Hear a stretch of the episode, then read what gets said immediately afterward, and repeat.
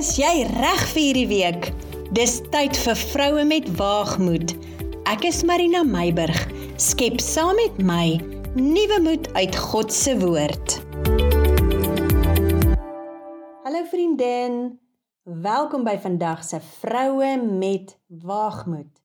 Die eerste maand van 2024 is werklik al ampertjies verby. So ek glo jy het teen hierdie tyd jou voete gevind in die nuwe jaar se bedrywigheid. Wel, jy is waarskynlik goed bekend met die lering oor die krag van woorde, soos wat dit voorgehou word vanuit Spreuke 18 vers 21. Kom ek verfris gou jou gedagtes. Spreuke 18 vers 21 lees: Dood en lewe is in die mag van die tong, en elkeen wat dit graag gebruik, sal die vrug daarvan eet. Wel, jy het heel waarskynlik meer as 5 preke, lerings of praatjies oor hierdie vers gehoor gedurende jou lewe. Ek skiet dit glad nie af nie, dit is waar en ons woorde is ook baie belangrik. Die fokus is egter meestal op die eerste deel van die vers. Dood en lewe is in die mag van die tong en verskeie lerings oortuigings, aannames en selfs eise is al aan hierdie woorde gekoppel. Tog, die tweede deel van die vers is egter die kruks van die saak.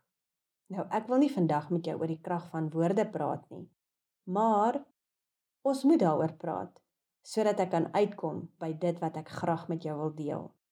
Die tweede deel van Spreuke 18 vers 21 lees en elkeen wat dit graag gebruik sal die vrug daarvan eet.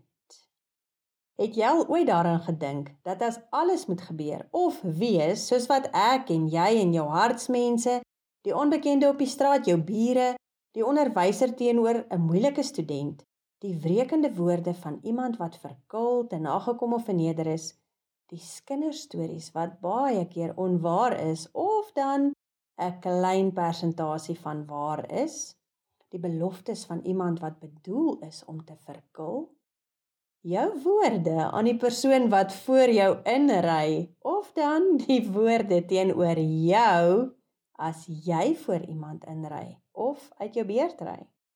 As al hierdie woorde waar word Hoe gaan die samelewing lyk? Ons almal spreek elke dag teen strydige dinge, baie keer in of oor dieselfde situasie. So, as die een se woorde iets laat gebeur en die ander een se maak dit onklaar, hoe dan gemaak? Kom ons kom gou terug na die tweede deel van die vers. Die Amplified Bible gooi die ligkol so 'n bietjie helderder op hierdie gedagte. Dit lees: And those who love it. Dit is nou die woorde nê. And indulge it will eat its fruit and bear the consequences of their words. Kom ons praat 2024 Afrikaans.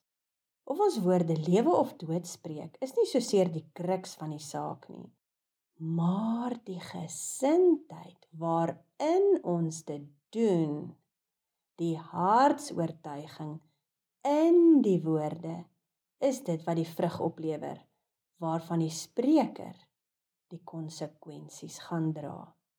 Nie die een teenoor wie dit gespreek word nie, die spreker dra die konsekwensies. Kom ons wees prakties. Is jou woorde vanuit 'n afgunstige of jaloerse hart Haman se galg wat jy eintlik vir jouself bou? Is die minagtende of vernederende woorde vanuit jou hoogmoedige hart teenoor iemand anders die val wat voor jou eie deur kom lê? Jy sien vriendin, die krag is nie van die woorde self nie maar in die woorde vanuit die hart. Dis nie die van nie, maar die in wat krag genereer. Goed. Ek dink ons het dit nou uitgeklaar en die punt gemaak.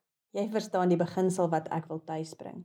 Kom ons lees nou twee ander verse in Spreuke. Spreuke 16 vers 23 sê: Die hart van die wyse maak sy mond verstandig en vermeerder die lering op sy lippe. Vriendin, die krag wat woorde genereer, het ons gesien spruit vanuit ons harte. Nou leer ons verder dat die hart van die wyse sy mond, dis sy woorde, verstandig maak en dit vermeerder die lering op sy lippe. Wanneer ons hart gevul is met God se liefde en wysheid, is ons meer verantwoordelik met ons woorde, want ons besef ons is verantwoordbaar vir elke woord wat ons spreek. Selfs al is dit woorde om te dissiplineer, te korrigeer en reg te help, is die oorsprong daarvan God se wysheid wat dan gevolglik kragtige lering en onderrigting tot verandering bewerk stellig. Dieselfde geld natuurlik ook vir 'n hart wat nie op God gefokus is nie. Wanneer die hart vol gif is, genereer dit onverstandige woorde met pynigende konsekwensies vir die spreker, het ons geleer. Daardie konsekwensies het die geneigtheid om soos 'n haakskeen buitertjie onverwags van agteraf te kom en ons verwond en bebloed agter te laat. Maar kom ons lees net gou vers 24 om die vrolike kersie op heerlike soet sjokolade cupcake te sit. Spreuke 16 vers 24 lees verder. Vriendelike woorde is soos 'n heuningkoek, soet vir die siel en 'n genesing vir die gebeente. Daar het jy dit.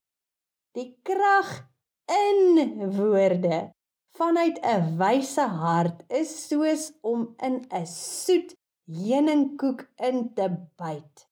En soos jy die selletjies oop byt, bars die soetigheid in jou mond en vul jou met vreugde, vergenoegdheid, aangenaamheid en verkwikking. Inteendeel, die krag in daardie vriendelike woorde genereer genesende krag in die liggaam. Wow, is dit nie wonderlik nie? Vriendin, wat is in jou hart? Dit wat in jou hart is, is die krag in jou woorde. Dit bring of genesing of konsekwensies.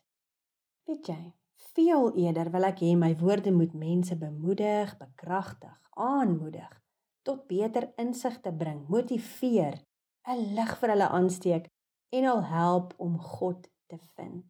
Ek wil hê my woorde moet voeding wees, genesend wees en lewe gee. Ek wil hê my woorde moet pragtige blomtuine in mense se lewens vestig vir 'n aangename geur op hul lewensreis. Indien my woorde so kan wees, weet ek die brisie van Heilige Gees sal daardie lieflike geure in ander se lewens ook in my eie lewe indra tot genesing vir my siel en liggaam. Vriendin, wat van jou? Ek wil jou vandag aanmoedig om te begin by jou hart. Doen introspeksie van wat in jou hart aangaan. Hoe vra jy vir my? Dis eenvoudig konsentreer en luister mooi na die woorde wat jy spreek. Dit sal baie vinnig vir jou openbaar wat in jou hart is. Vul jou hart en jou lewe met God se woord en laat toe dat sy gees jou transformeer. Jy is mos 'n vrou van waagmoed en ek weet dat vandag se woord 'n wapen in jou hand is om die vyand wat jou hart vol gewil maak af te weer sodat jy ontvanklik kan wees vir God se werk in jou lewe. Nou toe, daar het ons nou by die einde van vandag se kuiertjie gekom. Vriendin, Wees geseënd hierdie week en onthou, vriendelike woorde is soos heuning. Deel groot happe daarvan uit. Ons kuier volgende week verder.